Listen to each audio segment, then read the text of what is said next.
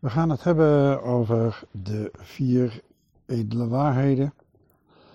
En ik baseer mij in deze op het Dzogchen-boeddhisme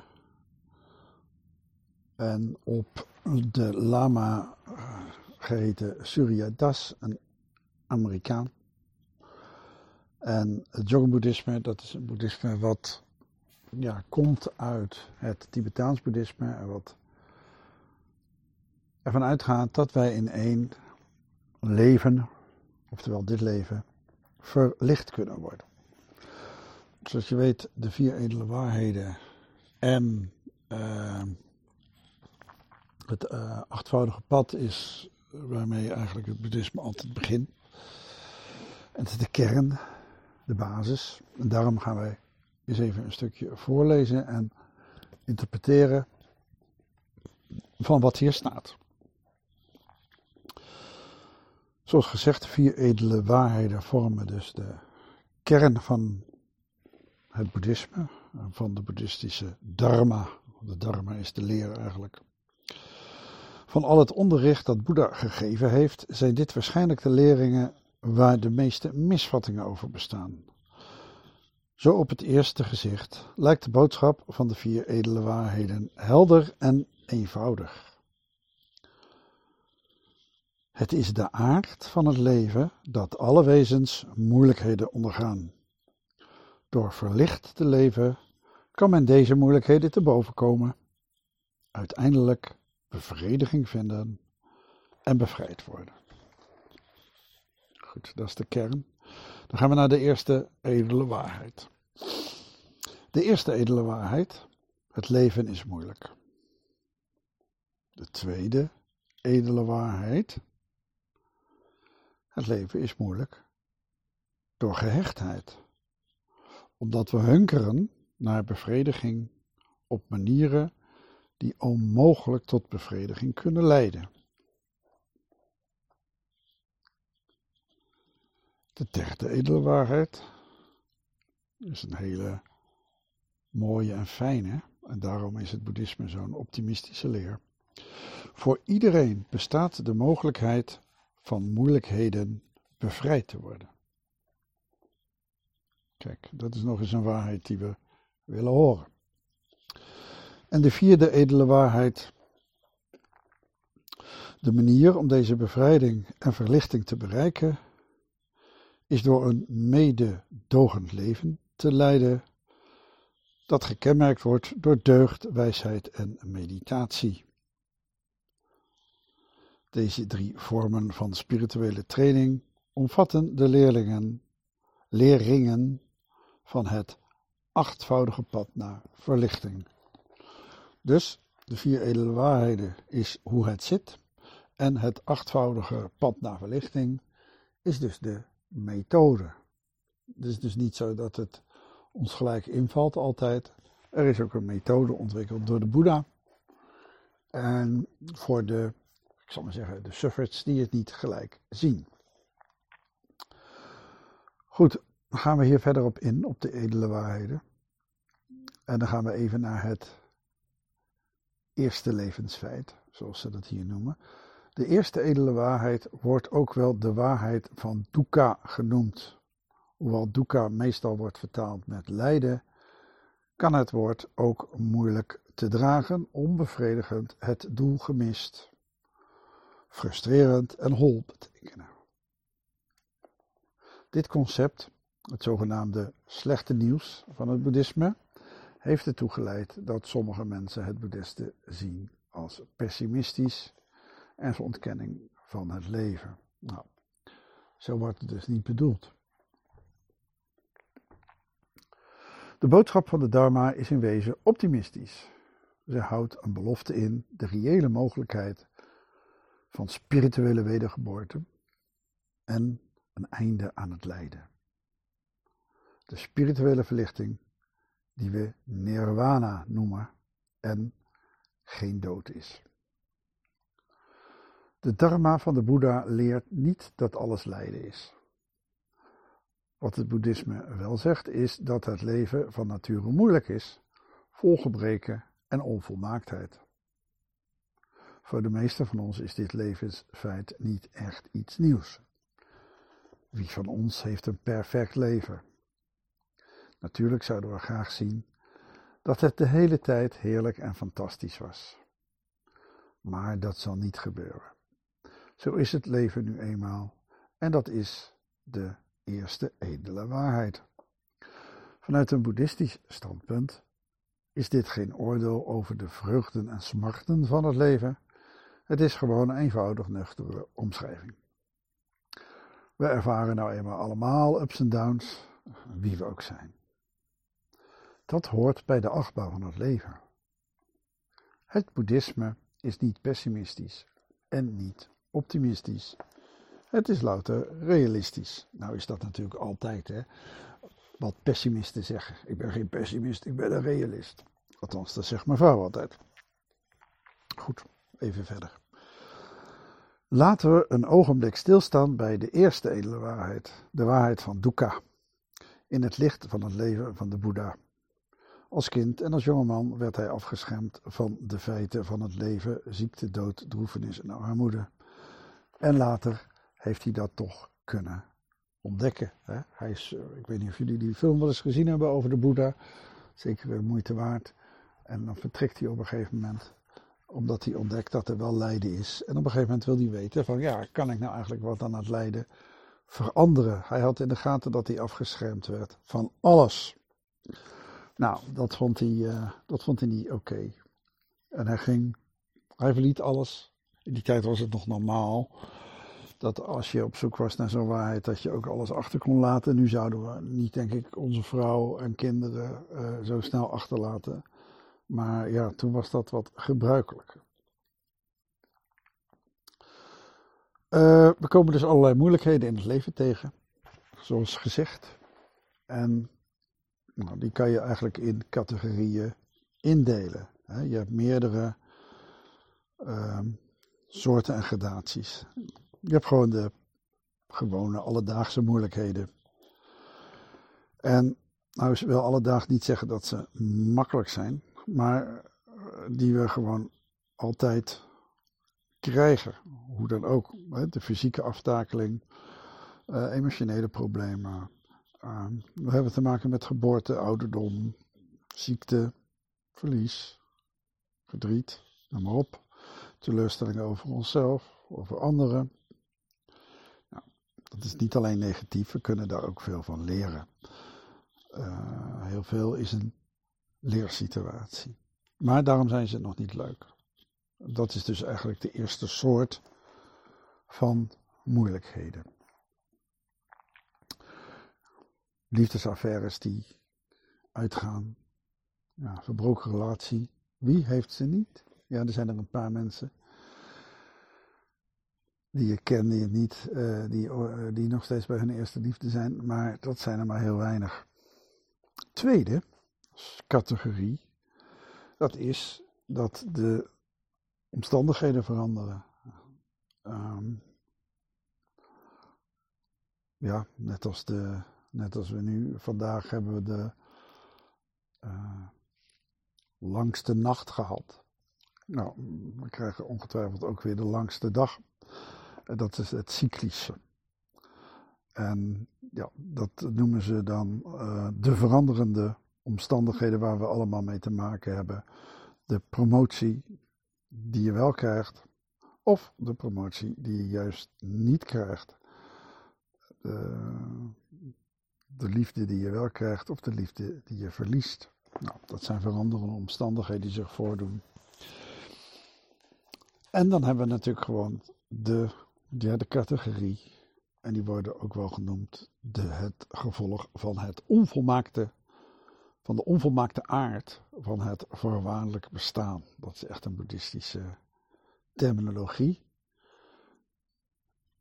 En het voorwaardelijk bestaan is eigenlijk, dat ze zeggen, want hier is eigenlijk altijd voorwaardelijk. Ik ga even een stukje hiervan uh, voorlezen. Want wat voor moeilijkheden heb je dan in deze categorie? Dat is bijvoorbeeld de vorm van jezelf. Ben je lang, kort, dik, fit, atletisch juist, of niet. In ieder geval eh, ben je daarmee tevreden. Heel veel mensen zijn er niet mee tevreden. Uh, dan hebben we de gevoelens en sensaties, de vijf zintuigen. Ogen, oren, neus, tong, huid. En nou, boeddhisten hebben dan nog een, een extra zintuigelijk orgaan, ofwel de geest. want we zien een zonsondergang, we horen een klok, we ruiken een sering, we proeven een citroen, we raken een kat aan. Deze vijf fysieke uh, zintuigen helpen ons veel van die wereld om ons heen te ervaren natuurlijk. Maar er is een wereld van ideeën en gedachten. Dus als we, krijgen daar allerlei ideeën en gedachten door. De wereld kan niet gezien, gehoord, geroken, geproefd of aangeraakt worden zonder dat. Zonder dat dat in de geest iets losmaakt. Om ons in deze wereld te kunnen redden, en dat is al vanaf klein kind natuurlijk, vanaf baby, moeten we gebruik maken van de functies van de zintuigen. We weten hoe we moeten autorijden. Dat weten we, dat zit ergens in ons opgeborgen. We weten hoe we een andere taal spreken. De functies van de geest zijn dus ons zesde zintuig. Nou, de zesde zintuig hebben we allemaal wel eens van gehoord.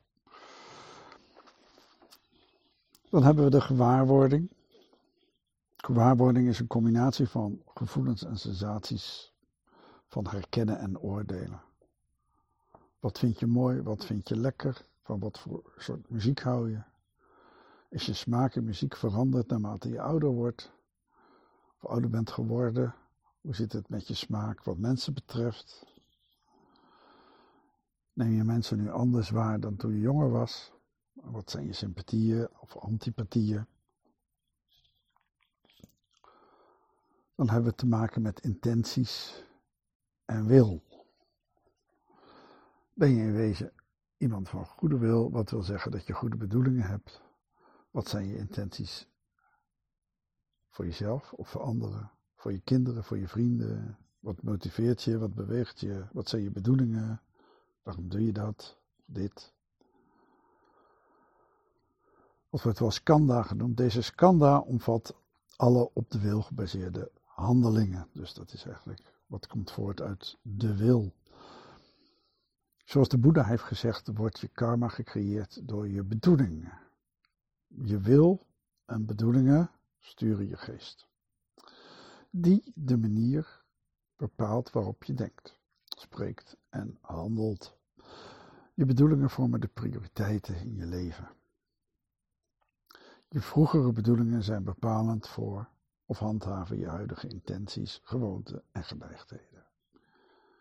Hierdoor wordt karma in het leven geroepen. Nou, hier hebben we het woord karma. Karma is eigenlijk niets anders dan de trein van actie en reactie.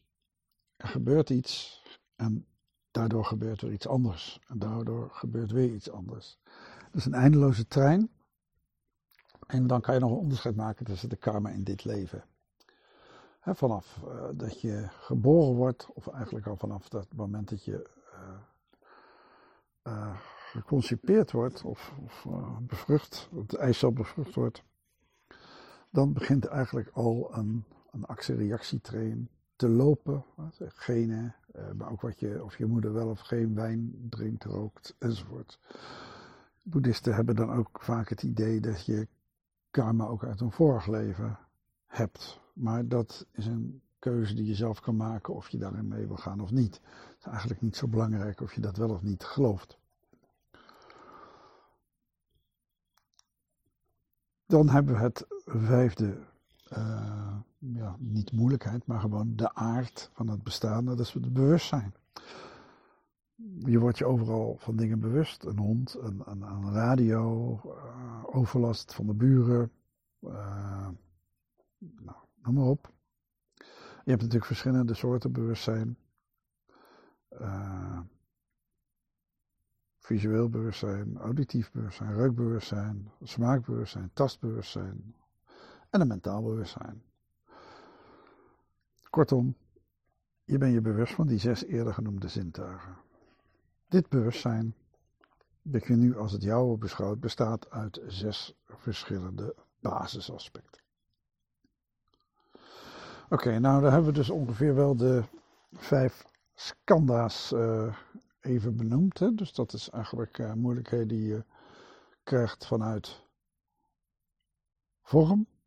Dat is een skanda, gevoelens of sensaties, of gewaarwordingen, intenties en wil en bewustzijn. De vijf skanda's. En wat hebben die vijf skanda's nu te maken met de eerste edele waarheid? In de Buddha Dharma, Dharma is de leer zoals ik al zei, waarin onze aandacht wordt gericht op de reële mogelijkheid dieper en uiteindelijk bevredigend te leven, worden de vijf skanda's omschreven als een manier om te wijzen op de broze en onbetrouwbare aard van de veranderende, voorwaardelijke werkelijkheid die we kennen. Die gaan we later ook nog op in hoor. Maar hier, dit is wel een hele belangrijke zin. De broze en onbetrouwbare aard van de veranderende, voorwaardelijke werkelijkheid die wij kennen als het leven. En dus we hebben het idee dat we het leven zien zoals het is, dat het de werkelijkheid is. Eigenlijk is dat heel erg voorwaardelijk en constant veranderend.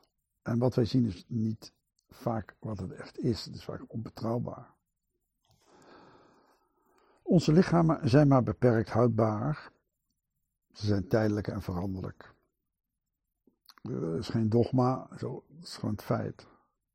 Vanwege zijn aard brengt ons lichaam ons uiteindelijk geen blijvende bevrediging.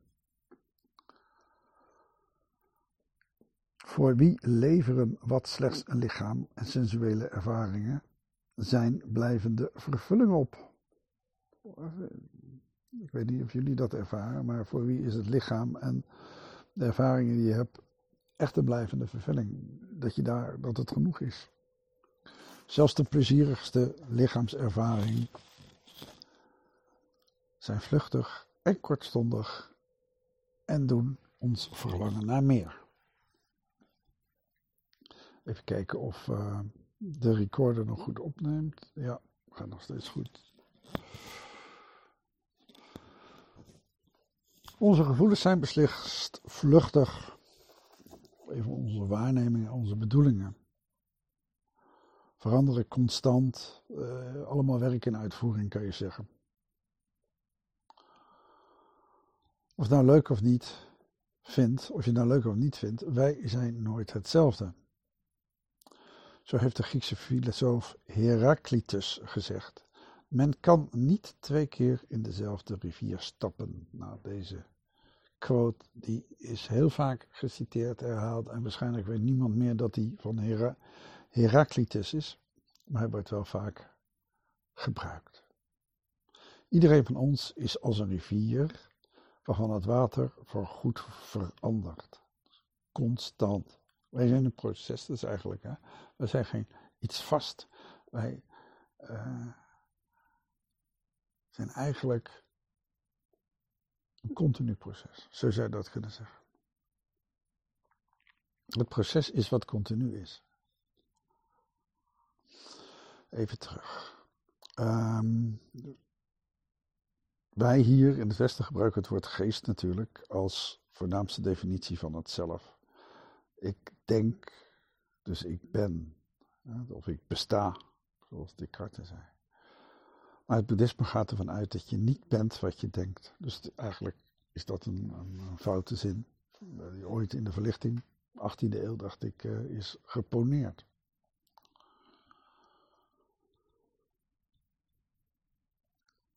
Net als het weer is wat je denkt onvoorspelbaar en continu aan verandering onderhevig. Daarom is onze geest in wezen onbetrouwbaar.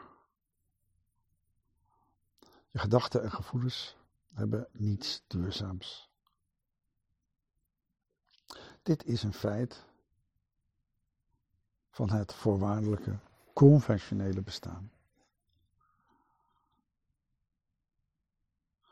En wat ben je eigenlijk als je niet denkt of het ogenblik tussen die, je hebt twee gedachten en ja, komt altijd een gat in, wat ben je dan? Bestaan we dan niet meer?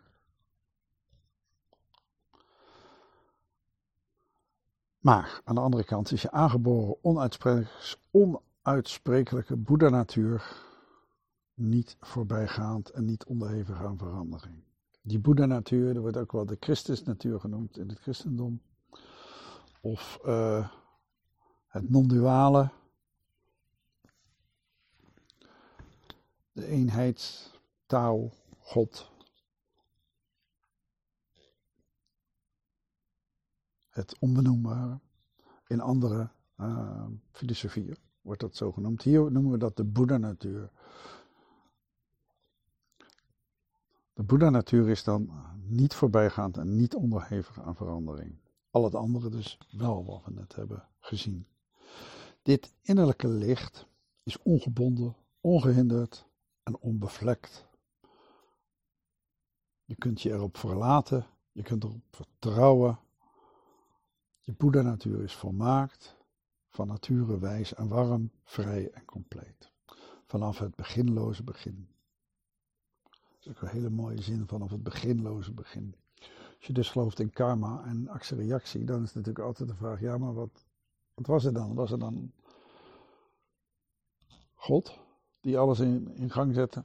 En dan is de vraag natuurlijk: ja, maar hoe komt God daar dan? Nou, daar houdt het christendom dan op. In het boeddhisme, maar ook het hindoeïsme, is er gewoon nooit niets geweest. Of altijd niets waaruit altijd iets voortkwam.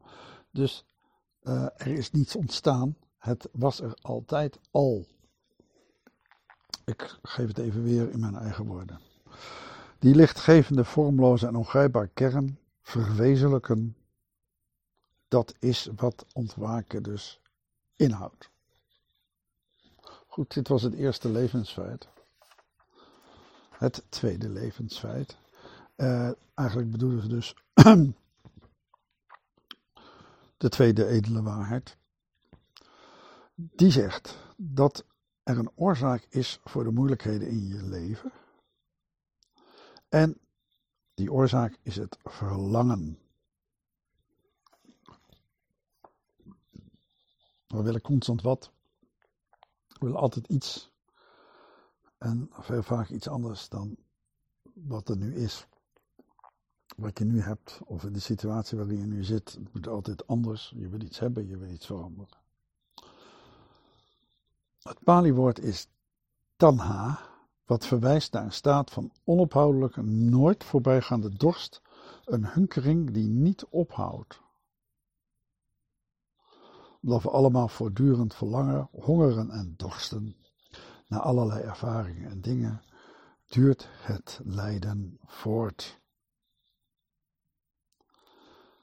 Het is niet zo dat we ons moeten ontdoen van de dingen waar we naar verlangen. De voorwerpen zelf vormen niet het probleem.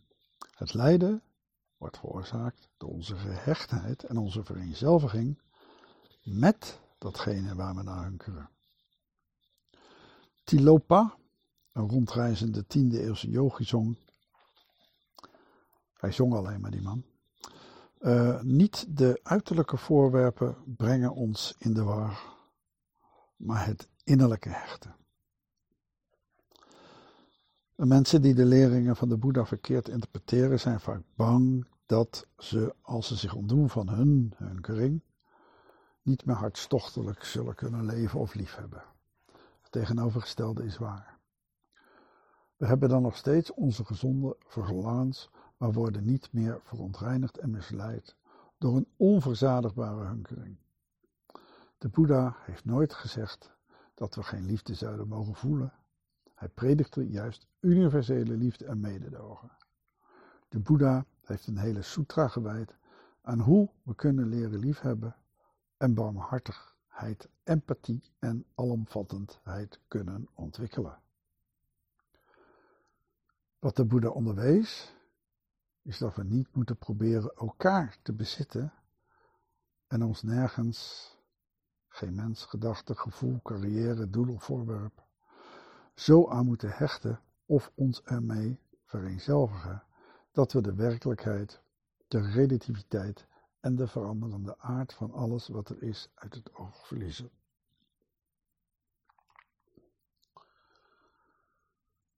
Dus je mag erg veel van je vriendinnetje of vriendje houden, maar het is niet de bedoeling, bedoeling dat je hem dat je je zo aan hecht in de zin dat je denkt dat hij van jou is, dat hij jouw bezit is, of dat hij niet meer naar anderen mag kijken, of wat dan ook.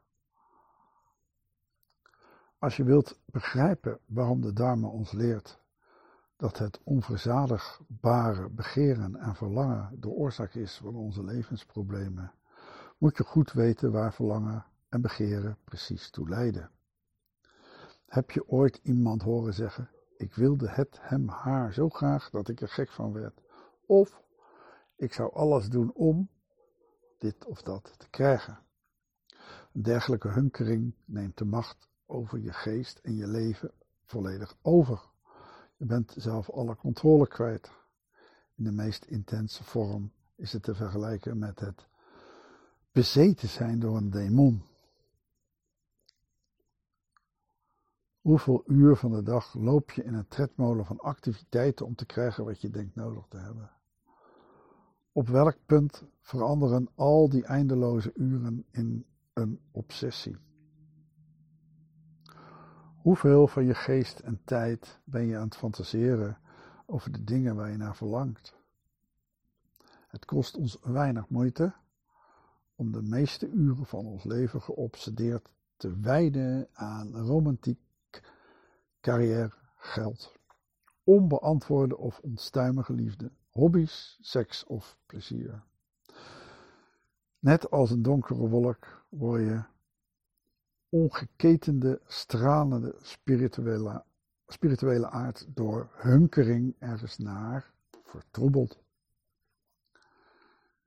Wie kan in deze cultuur weerstand bieden aan een bijna gedachteloos verlangen naar sensueel genot, rijkdom of macht? Er zijn zoveel reclameborden, advertenties en je kan Facebook niet opslaan of je krijgt advertenties die gepersonaliseerd zijn, dus speciaal. En je hebt één keer gekeken naar een vakantie in Costa Rica en je krijgt constant reclames over Costa Rica. En uh, alle social media, maar ook alle commerciële tv, als dat bomvol reclame. En ze zijn zo slim dat ze precies weten waar jij op reageert, welk kleurtje, welk, welk geluidje. En je wordt echt helemaal ingezogen. Je wordt dus wel een beetje gek van al die attracties. En er is moeilijk aan te ontkomen. We leren overal naar te verlangen, ook al willen we het niet. De designmeubeltjes, eh, de winterjas, de auto, de vakantie naar Guatemala, weet ik wat allemaal. Wat kunnen we doen met onze hunkering in een wereld waarin we allemaal worden aangespoord om een fantasieleven te leiden? Soms letterlijk in, in, in computergames, waarin we voortdurend investeren in de onzekere toekomst terwijl we ondertussen wachten en hopen dat we worden gevonden en meegenomen door de prins op het witte paard, in een rode Porsche of zelfs in een goedgezind ruimteschip. Er is een tegengif tegen deze dorst of hunkering van maar acht letters. Wijsheid de wijsheid van bevrijd worden van het hunkeren. De geheime leringen van Tibet vertellen ons dat we onze aangeboren wijsheid, bewustzijn en innerlijke vreugde kunnen herontdekken door spirituele beoefening, meditatie, zelfonderzoek, gebed en het cultiveren van ons van nature warme, tedere en liefdevolle hart. Je hebt twee soorten meditaties, kan je zeggen. Je hebt de meditatie om tot rust te komen, om, om je lichaam en je geest tot rust te brengen. Dat is de ene meditatie, de kalmeringsmeditatie. Noem Jan Geurts dat bijvoorbeeld. En de inzichtsmeditatie. Dat zijn de twee verschillende meditaties. Als je alleen de een doet, of alleen de ander, dat is vaak net, uh, net wat te weinig. Wijsheid is ook het middel om hunkering te overstijgen en een monotoon bestaan om te vormen tot een heerlijke, inspirerende tuinwandeling. Dat is ware vrijheid. De Boeddha zei tot zijn discipelen: Wie in deze wereld deze zo moeilijk te overstijgen hunkering te boven komt, zal merken dat het lijden wegvalt als druppels water die van een bloem vallen.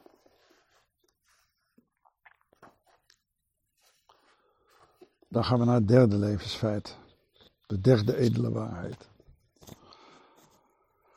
De derde edele waarheid is dat het nirvana bestaat. En dat het voor jou kan bestaan. Het nirvana is een onvoorstelbare innerlijke vrede, het ophouden van hunkering en vastklampen. Het is het einde van het lijden. Nirvana is bevrijding, eeuwigdurende bevrijding, vervulling en verlichting zelf. Ja, dat is dus wel hier en nu. Niet ergens in een hemel. En dat is een beetje te vergelijken met de konings, het koninkrijk Gods komen. Hè? Dat is ook iets wat hier en nu gewoon komt. Dat is ook niet iets in een, in een uh, hemel. In feite, althans niet uh, oorspronkelijk. Zoals uh, Jezus dat oorspronkelijk gezegd heeft en in de eerste tijd ook nog zo werd geïnterpreteerd. Het is dus gewoon de hemel en nirvana is dus gewoon hier en nu op aarde. Goed. Wat is het nirvana? Als het niet hier is, is het nergens. Dus hoe ervaren we het? Jezus Christus zei dat het koninkrijk der hemelen in ons is en altijd beschikbaar is voor iedereen. De Tibetaanse meesters leren ons dat het nirvana altijd aanwezig is net aan de andere kant van onze knoop van vastklampen. Volgens de Tibetaanse leringen van Joggen kunnen we het nirvana in een ogenblik ervaren. Het is niet iets wat we moeten opbouwen of verzinnen. Het is te vinden via een spirituele doorbraak. Het zijn de aha-ervaringen die kunnen worden bespoedigd door los te laten door onze hunkering, gehechtheid, hebzucht en waanideeën prijs te geven, door zelfs voor een ogenblik te ontwaken uit de droom van ons halfbewuste levens. Het woord nirvana betekent letterlijk uitgroeiing van dorst en het tenietdoen van het lijden. Boeddhistische meesters verkondigen dat er in ieder van ons te alle tijden een vuur brandt Soms smeult het vuur maar een beetje, soms woedt het onbeheerst. Dit vuur wordt veroorzaakt door de wrijving van de dualiteit met zichzelf als twee stokjes. De wrijving wordt opgewekt wanneer ik als onderwerp iets anders als leidend voorwerp verlang en door de interactie tussen beide. Deze altijd aanwezige wrijving die ons irriteert, laait op tot het vuur van het lijden. Als we ons de leegte en volmaakte eenvoud, eenheid met alles realiseren, dooft het vuur van de dualiteit.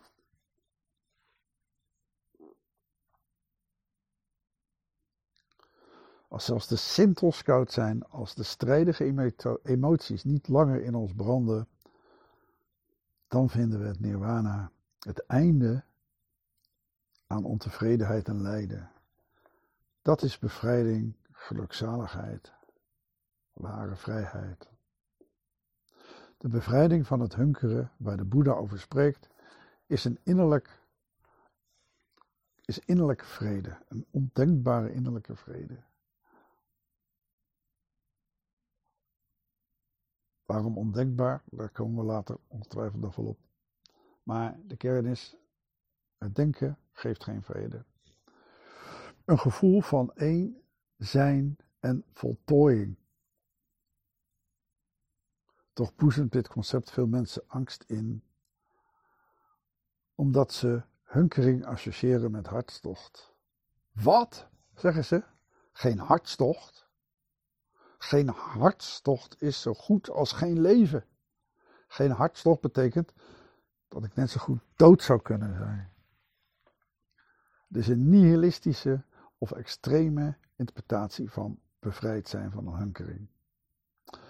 De geest, die vrij is van hunkering, is veel overvloediger en vruchtbaarder dan dergelijke oppervlakkige ideeën suggereren.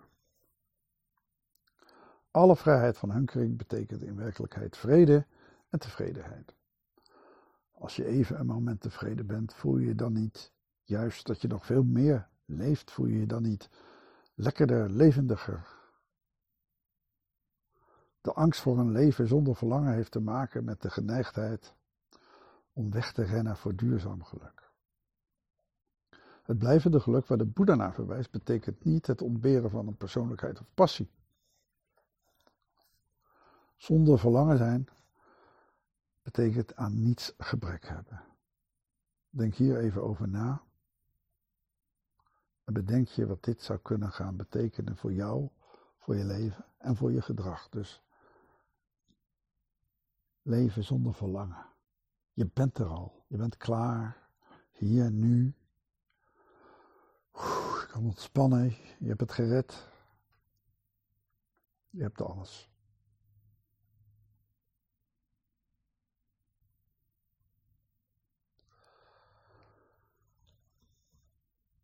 Waar het om gaat, is dat je veel meer bent dan je hunkering en verlangens.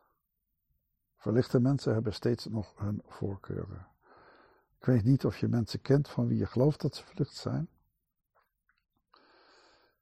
Ik heb er een paar gekend.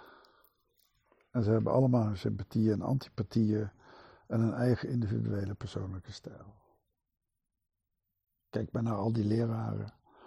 Als je wel eens op YouTube kijkt, het verschil tussen, uh, tussen Eckhart Tolle of, of Alexander Smit van vroeger, of Douwe Timesma, mijn leraar. Wereld van verschil. Iedereen doet het anders. Het is echt niet zo dat je een eenheidsworst wordt. Dat zegt ons dat verlichting, vrijheid, Boeddha-natuur iets levends is en uitdrukking geeft aan zichzelf via elke persoonlijkheid. Goddank is ieder van ons anders. Niet allemaal hetzelfde, zoals de toetjes uit de Mona-fabriek. Tegenwoordig Alpro, hè, dat is uh, wat milieuvriendelijk en beter voor de dieren. Past, Alpro past beter bij uh, boeddhistisch toetje, vind ik. Als verlichte lama's Amerika bezoeken of Europa bezoeken, eten ze nog steeds liever Tibetaanse noedels dan een pizza. Maar ze raken niet ontstemd als ze het eten. Dan het eten dat ze liever hebben. Dat ze niet kunnen krijgen, bijvoorbeeld. Hè. Ze hebben zich niet uh, in bezit laten nemen door en hebben zich niet vereenzelvigd met hun verlangens. Dus je hebt nog steeds die verlangens, je vindt het nog steeds lekker om. Uh, om chili te eten. Maar als je spinazie krijgt, nou oké, dan krijg je spinazie. Spirituele meesters zijn in staat in de wereld te zijn zonder van de wereld te zijn. Ook zo'n zin waar je wel even op kan kouwen. Wel in de wereld, maar niet van de wereld. Ze worden soms wel vergeleken met gracieuze, sneeuwkleurige zwanen die zich over de meren van deze wereld voortbewegen zonder golven te maken.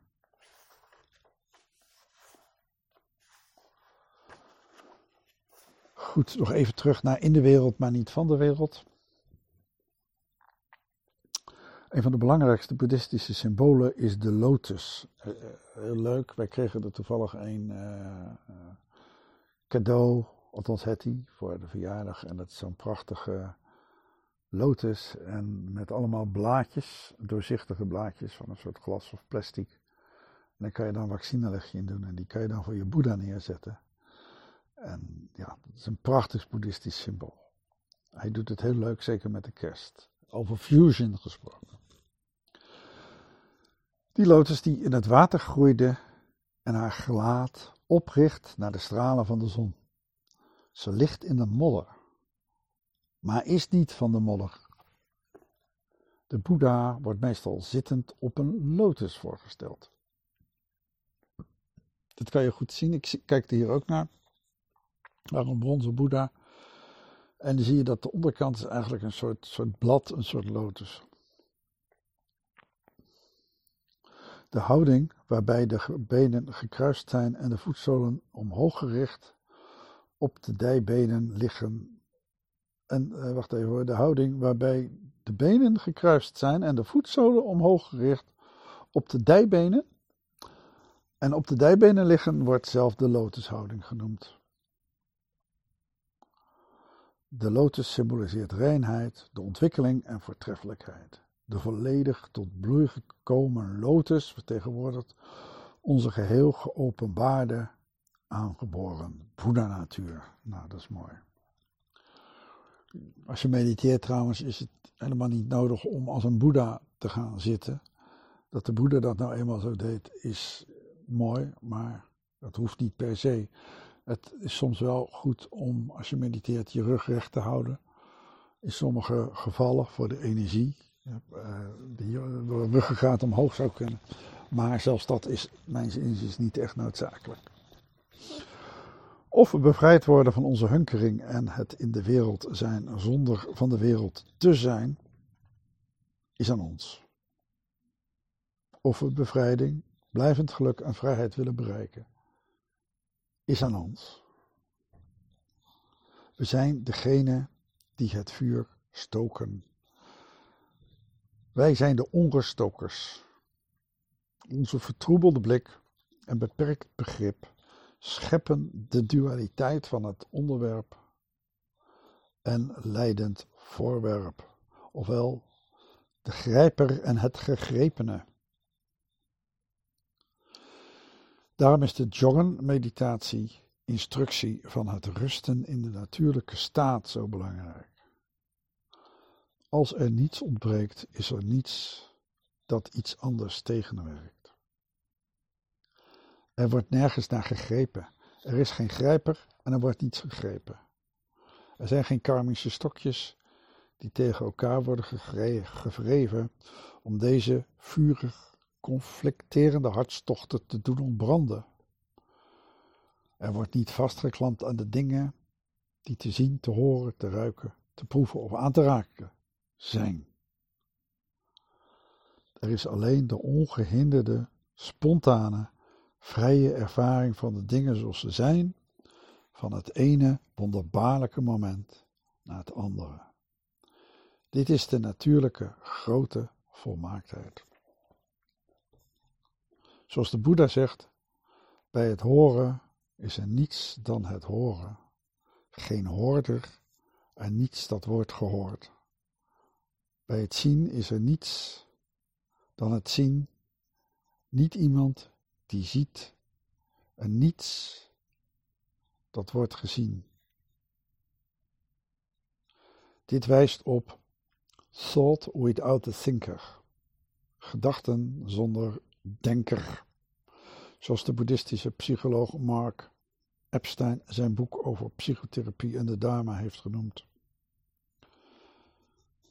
De Boeddha heeft gezegd dat bij het horen alleen het horen bestaat. Niet iemand die hoort en niets dat gehoord wordt. Kunnen we zo leeg, open en levendig aanwezig en doorzichtig en helder zijn? Het antwoord is dat we ervoor kiezen het niet te zijn. Het concept van gedachten zonder denker is te eng. Vooral als jij de denker bent en het jouw gedachten zijn.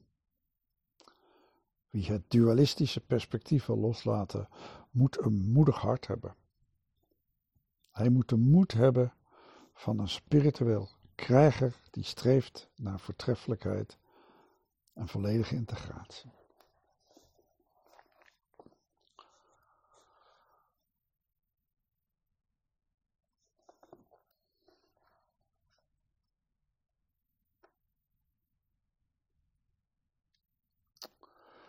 Als we dit even op ons laten inwerken,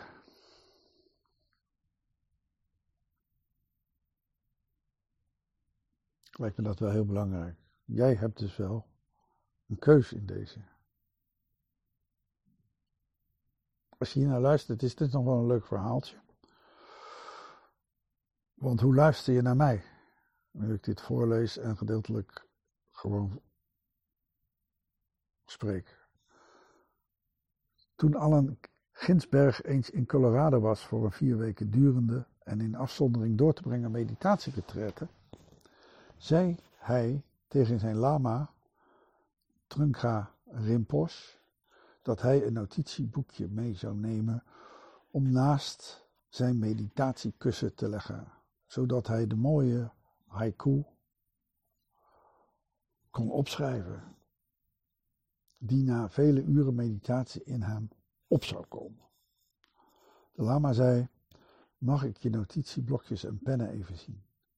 Toen Ginsberg het gereedschap van zijn literaire vak tevoorschijn haalde, griste de lama ze weg en zei dat, zei dat de reden om op retraite te gaan en te mediteren was om het verzamelen en vasthouden aan al die voorbijgaande gedachten stop te zetten.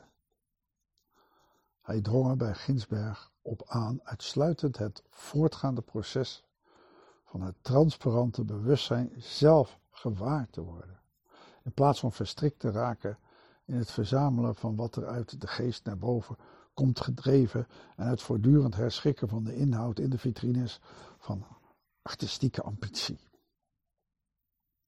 Ginsberg vertelt dit verhaal graag, want net als wij allemaal was hij nog steeds gehecht aan het tentoonstellen van mooie gedachten. Hoe meer we mediteren, hoe meer goede ideeën we lijken te krijgen. Niet waar? We kunnen bijna niet wachten voor we thuis zijn en iemand erover vertellen. Opschrijven, schilderen, in een flesje stoppen, verkopen, op Facebook zetten, een mooi verhaal van maken. Ik had dat ook. Toen ik eh, de ayahuasca-sessie uh, heb gedaan, een jaar geleden denk ik, en ik daar prachtige dingen meemaakte. En toen was er ook iemand, en dat was ik zelf, als een soort mannetje, die al helemaal aan het verzinnen was. Hoe die dat leuk ging verpakken en op Facebook zou zetten en hoe die dat ging communiceren. Ik zag dat vanuit een ander perspectief gebeuren. Het was een heel aardig kereltje, die Victor. Maar daarmee was hij dus op dat moment bezig. En maar omdat ik ook een ander perspectief had, kon ik denken, ach ja, nou ja, laat het maar doorgaan. Ik kan hem niet zomaar stoppen, maar het slaat nergens op. En geeft niet dat hij het doet of zo, maar het gaat vanzelf wel over. Is een bijzonder moment en daar hebben we het hier ook over. Tegenwoordig heb je Samsara Parfum, Nirvana boeken, uh, eh, MP, MP3'tjes natuurlijk over dit soort zaken, verlichtingsplaten, kaartenkalenders, video's, YouTube. Tegenwoordig heb je zelfs voerbier.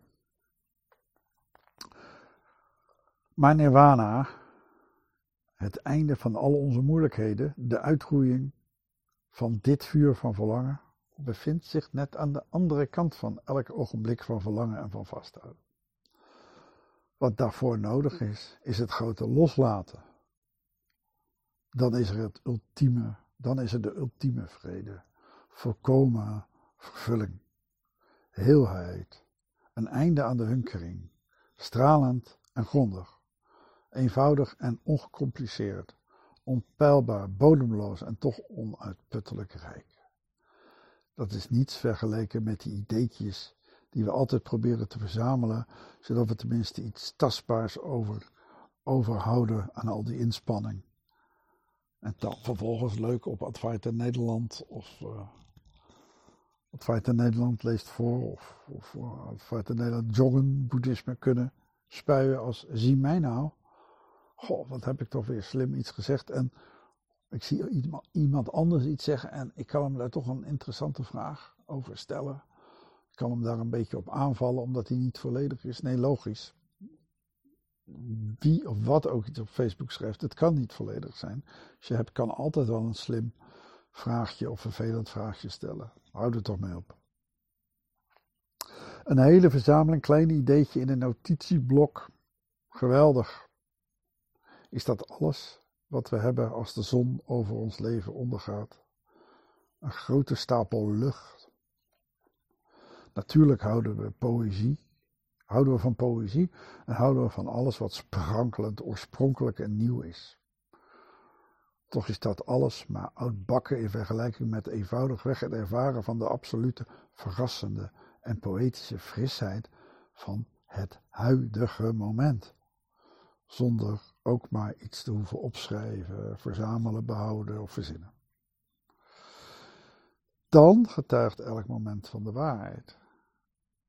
Volgens de Boeddha zelf is het nirvana niet meer dan het opgeven van hunkering, vasthouden of gehechtheid. Toch is het niet iets kleins. Hoe meer onze spirituele beoefening, onze meditatie en onze dagelijkse bezigheden overeenstemmen met afwezigheid van verlangen en gehechtheid, hoe minder onbuigzaam, eisend, zelfs, zelfzuchtig en hebzuchtig we zijn. Hoe meer het nirvana bijna stiekem begint binnen te sluipen. Zelfs als het nirvana hier is, bevinden we ons vaak elders. Het nirvana poogt voortdurend door de kleine spleetjes in het harnas van ons ego door te sijpelen. Je kunt deze openingen groter maken door te proberen de verdediging en de barricades van je persona, je vastklampen, je verslavende gewoontegedrag op te geven. Persona is een beetje degene die jij speelt te zijn. Kortom, je psychologische conditionering opgeven. Als we werkelijk loslaten en eraan gewend raken los te laten, komt dat innerlijk conflict, die irritatie, die wrijvende hitte van dukkha, werkelijk tot bedaren. En kunnen we steeds meer de innerlijke vrede ervaren die door het nirvana wordt belichaamd. We worden minder afhankelijk minder veel eisend, minder gecompliceerd, minder versnipperd, minder versnipperd en vervreemd, minder snel, behoeftig en hebzuchtig. We worden gelukkiger, gezonder en wijzer. We voelen ons volkomen vernieuwd. En de vierde edele waarheid, het vierde levensfeit, vertelt ons dat er een beproefd en waar bevonden pad is dat ons van de onwetendheid van het geconditioneerde bestaan wegvoert en brengt naar het einde aan de hunkering dat de nirvana wordt genoemd. Dit pad is het edele achtvoudige pad naar verlichting en geeft de specifieke instructies van Boeddha weer voor het zuiveren van je hart en geest door een onberispelijk en verlicht leven te leiden. Je gaat over het leven van de Dharma van dag tot dag door alles wat je doet. Wij Westerlingen halen vaak één enkele meditatietechniek uit de Dharma en dan vragen we ons af waarom ons leven niet de beloofde verandering vertoont. Natuurlijk helpt het om onze geest elke ochtend door meditatie te oefenen. Maar het helpt nog veel meer als we proberen ons leven heel te maken door al de verschillende elementen van de Dharma erin op te nemen. Als we dit pad volgen, begeven we ons op het pad van de spirituele held. Goed, dan is dat, dit zijn de vier edele waarheden. En uh, hierna gaan we natuurlijk eens even kijken wat het achtvoudige pad is. En dan gaan we elk onderdeel van het achtdelige pad daarna ook bekijken en bespreken.